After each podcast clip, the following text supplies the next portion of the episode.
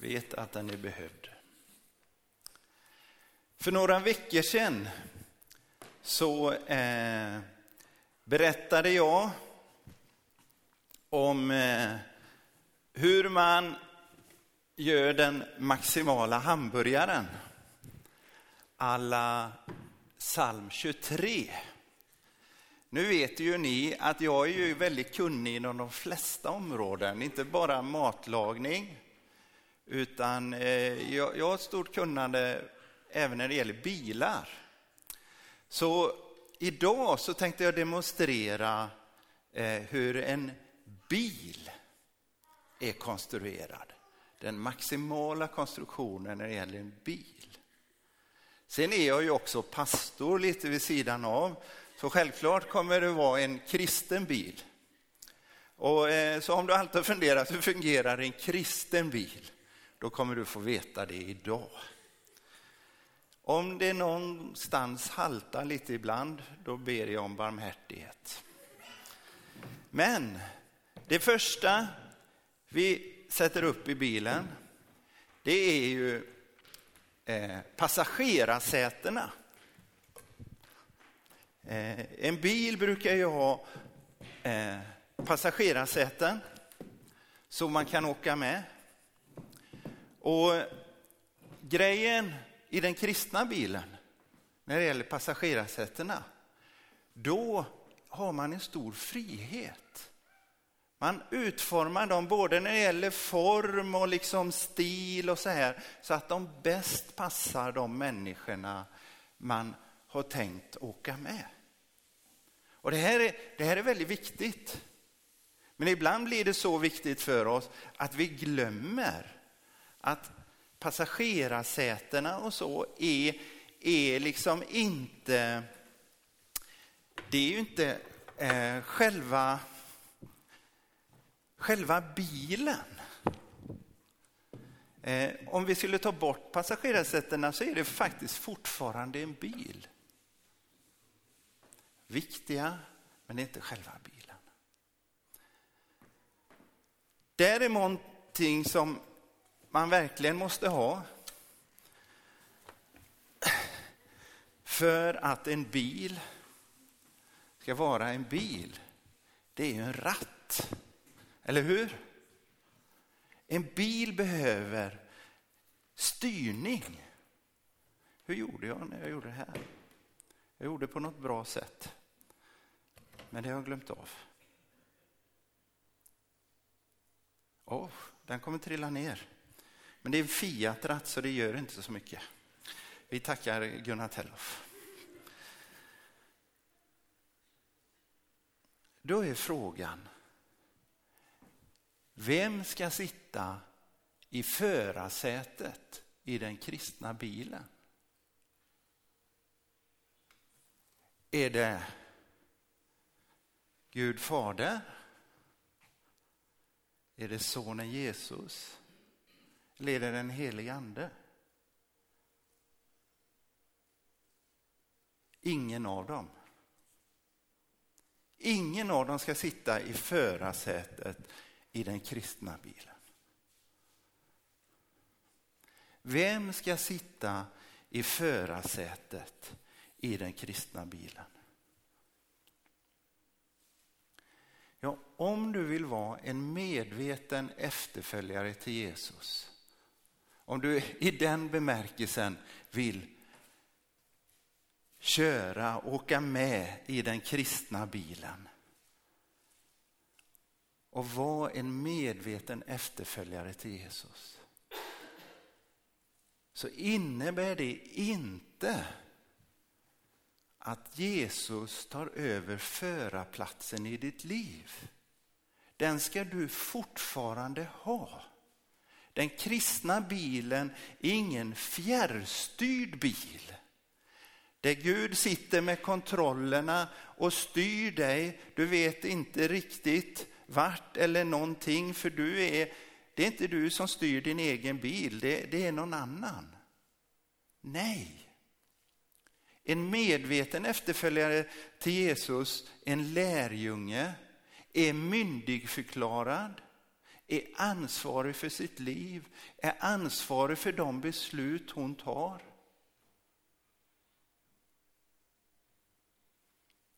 Hon sitter fortfarande vid ratten. Och det är ju likadant när man följer Jesus. Om det var så att vi gick, om Jesus föste oss framåt, då skulle vi inte ha så stort val. Men Jesus säger kom och följ mig. Det är vårt eget val. Och när vi vill så kan vi ta en annan väg. För att vara en efterföljare till Jesus är inte att bli omyndig förklarad. Utan det är att börja följa Jesus. Så istället, nu, nu la jag ifrån mig mobilen, jag skulle tagit fram den. Det en medveten efterföljare till Jesus har i sin bil är en GPS.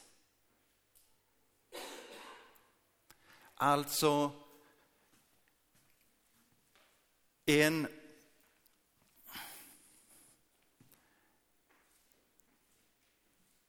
någonting som ger dig vägledning. Och Jesus, han säger så här i Johannes 14 och 16, vi läste det tillsammans och jag tycker jag säger det nästan varannan söndag. Jag ska be Fadern och han ska ge er en annan hjälpare som ska vara hos er för alltid. Sanningens ande. Hjälpare, på, på grekiska så är det parakletos. Para är någonting som är vid sidan, jämte. Alltså någon som går vid din sida, någon som är vid din sida, som ger instruktioner, vägledning. GPSen, den helige ande ger vägledning, men det är du som styr. Du kan när, när du vill sluta styra efter GPSen och GPSen tar aldrig över själva styrningen. Och så långt jag har läst i Bibeln så gör inte den helige ande det heller. Utan just en som går vid din sida. Vägleder men tar inte över ratten. Du bestämmer. Den viktiga skillnaden mellan en vanlig GPS och den helige andes GPS, den helige andes vägledning, det är att en vanlig GPS är ju ett hjälpmedel där du bestämmer vad målet är. Men den heliga ande är inget hjälpmedel utan vår hjälpare. Och det innebär att han ibland vill sätta ett annat mål än vad vi har tänkt. Du har tänkt att fika med den du känner så väl är efter på kaffet. Men så känner du en, en liksom maning i ditt inre. Jag borde gå och sätta mig jämte henne som jag aldrig har sett där förut. Det är GPSen. Det är den heliga ande som manar dig. Och då det är ditt val vem du vill lyssna på. GPSen eller vad du själv hade tänkt ut.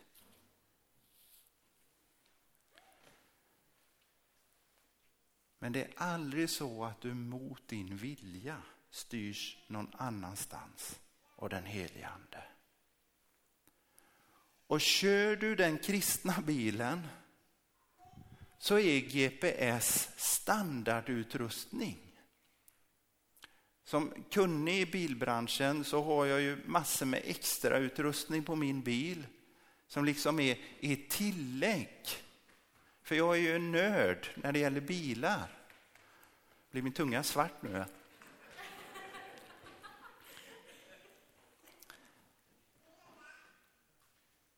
Den heliga ande är ingen extrautrustning för speciellt intresserade kristna. Det är själva grunden, att Gud finns nära i våra liv. Det är ingenting som du behöver göra dig speciellt förtjänt av. Det är en gåva. Jesus sa, det är för ert bästa jag lämnar er.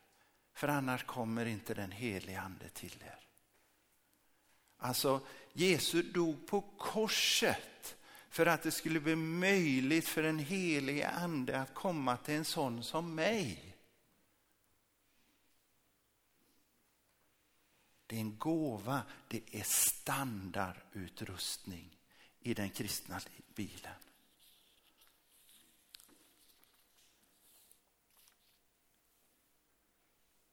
Jag skulle säga till dig, räkna med att den helige ande vill ge dig de här maningarna i ditt liv.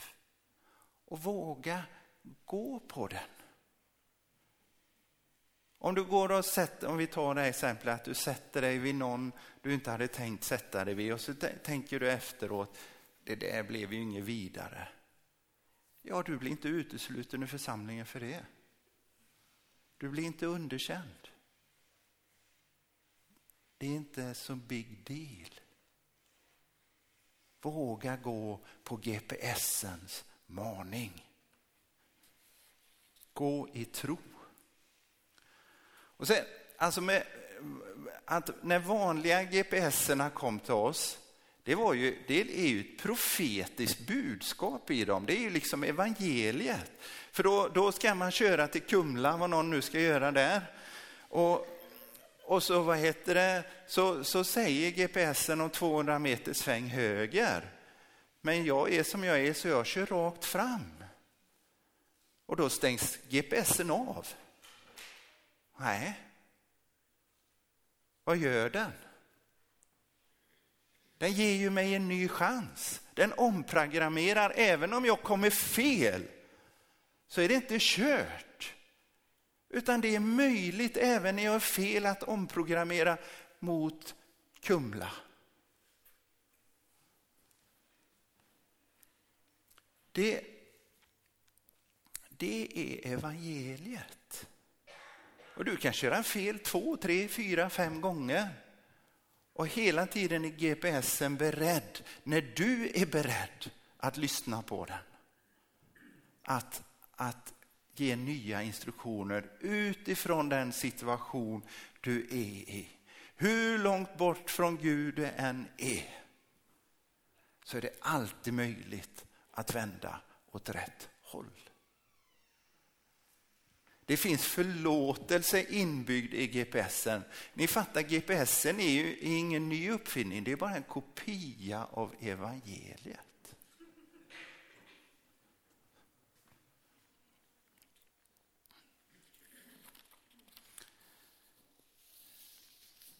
Men någonting som en bil verkligen behöver är en motor. Eller hur? Väldigt bra Fiat, rattarna är kvar. Varje bil behöver en motor som driver den. Vi ska öppna huven. Har ni funderat ut vad ni tror är motorn i, i den kristna bilen? Fiat, ingen kvalitet. Oj! Gunnar Tellov. Nu miste jag en vän. Förlåt Gunnar. Jag öppnar motorhuven och försöker inte göra något mer där just nu. Har ni funderat ut på vad, vad ni tänker er är motorn i, i den kristna bibeln? Bibeln. Alla ni som har rätt svar får gratis på torr. Bibeln, Guds ord, evangeliet, det glada budskapet är motorn i den kristna bilen. Att Jesus har kommit till oss, att eh, eh, Guds rike är nära, Att vi är inbjudna till det, att alla människor är inbjudna till det. Att vi är menade att älska Gud och vår nästa som oss själva. Det är vår motor. Utan evangeliet, ingen bil. Och som en parentes, katalysatorn, det är ju korset. Jesu blod renar från all synd. Det är vår katalysator.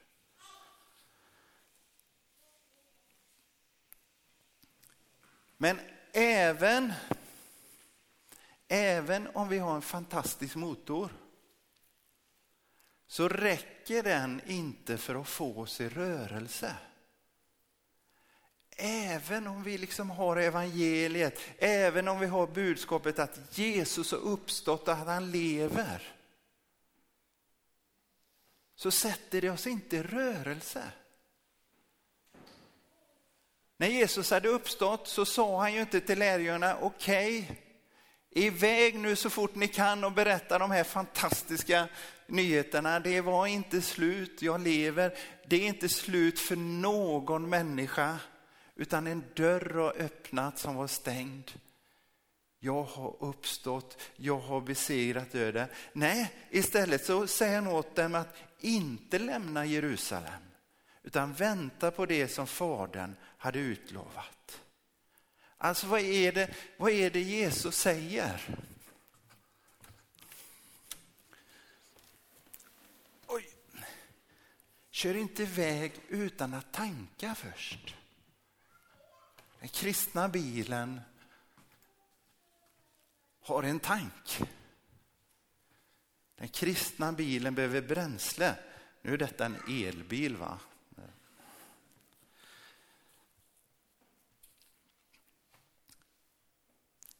Jesus han, han säger att ni ska få kraft när den helige ande kommer över er.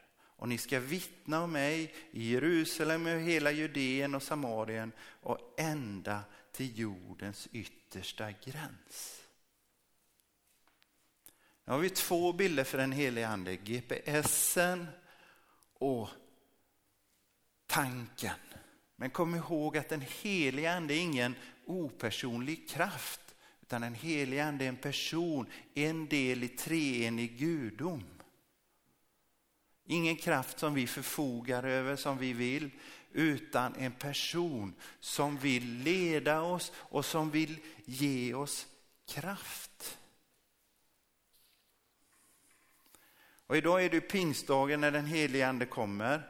Men det här är ingen engångsföreteelse, utan precis som man får tanka om och om igen. Jag var och tankade gas här precis innan, det, det är inte så kul i dagens läge. Men att tanka av den heliga ande, det är gratis. Det är fritt och förintet. Och vi läste i växellätet, berusa er inte med vin, alltså fyll inte på med för mycket vin, utan låt er uppfyllas av ande. Tillåt den helige ande att fylla på. Och som jag har sagt förut, räkna med hans närvaro i ditt liv. Jag har sagt att en medveten efterföljare till Jesus innebär inte att man avsäger sig förarsättet, utan man har fortfarande ansvar för sitt liv och det beslut man tar och GPSen vill leda oss. Och då är det ju att den kristna bilen är liksom ditt kristna liv. Men om vi tänker oss att bilen är den kristna församlingen. Och vi byter lite här. Vad, vad är då, vilken del är du och jag i bilen då? Skriv ner era svar. Är ni klara? Vi är julen.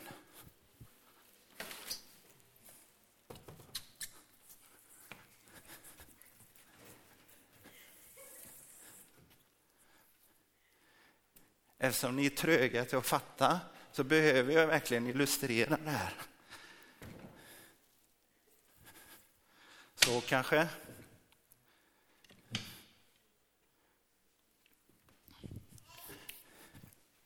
Jag tog eh, två hjul. Jag, det, jag tänkte två hjul och fatta dem. Det är ju nästan så ratten måste upp, en sån här skapelse.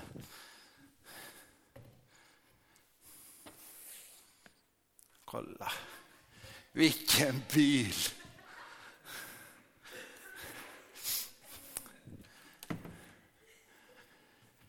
I den kristna församlingen är du och jag hjulen. Alltså, det är ju fyra hjul i en bil. Vi gör det tillsammans. Tillsammans så, så bär vi upp bilen och tillsammans så rör vi oss. Vi rör oss tillsammans. Och i en bemärkelse så är ju julen helt fria från prestation. Eller hur? De är, de är bara sig själva och på ett sätt gör de ingenting. Och blir det snurrigt i tillvaron, ja då är de helt rätt ute. Det låter som det är jag.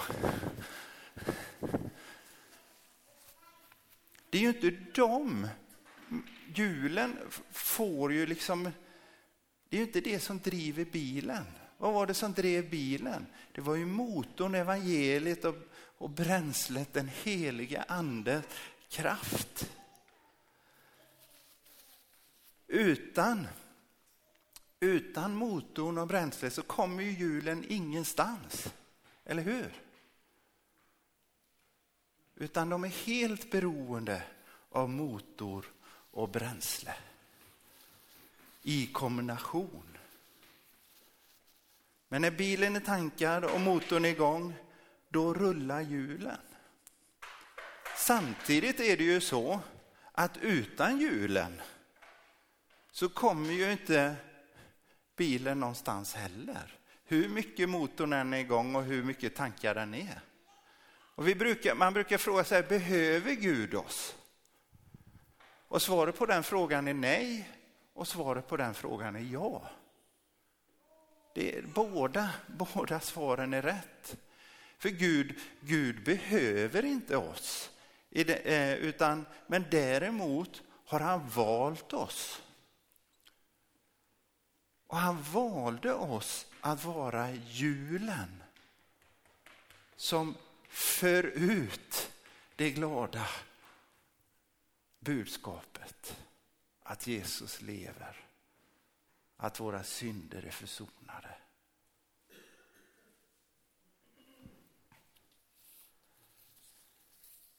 Vi ska gå ner, för, inte för landning, vi ska parkera. För bilen är ju klar. Och medan jag väntar på att Volvo ska höra av sig, att jag ska få en anställning där, jag tackar för den tid som har varit, men jag ser fram emot lönen du kommer att få som konstruktör på Volvo. Men medan jag väntar, de borde ringa om någon minut eller så här. Så, så sammanfattning. Alltså det är, det är möjligt att få en motor, en drivkraft i sitt liv. Det finns en mening med ditt liv. Du är oskattbar för du är Guds avbild. Du är Meningen med ditt liv det är att älska Gud med allt du har och det nästa som dig själv. Livet är inte meningslöst. Och fast vi kör fel om och om igen så är det inte kört. Det finns förlåtelse. Det finns upprättelse. Vilken motor. Och vi är inte ensamma. Jämte oss sitter en parakletos, en vid vår sida som vill vägleda oss sanningens ande.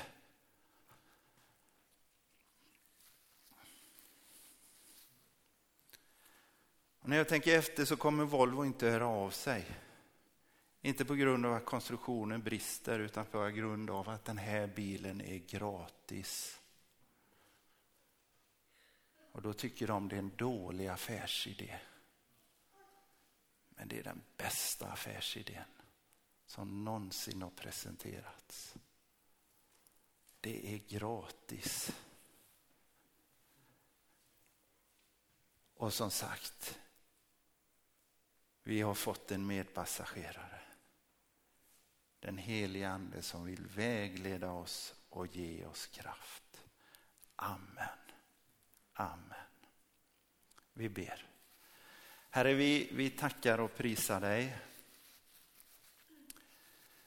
för att det, det hänger ihop att följa dig. Och hjälp oss att förstå hur det hänger ihop. Och vi tackar dig för att du har kommit till oss. Amen. Vi ska,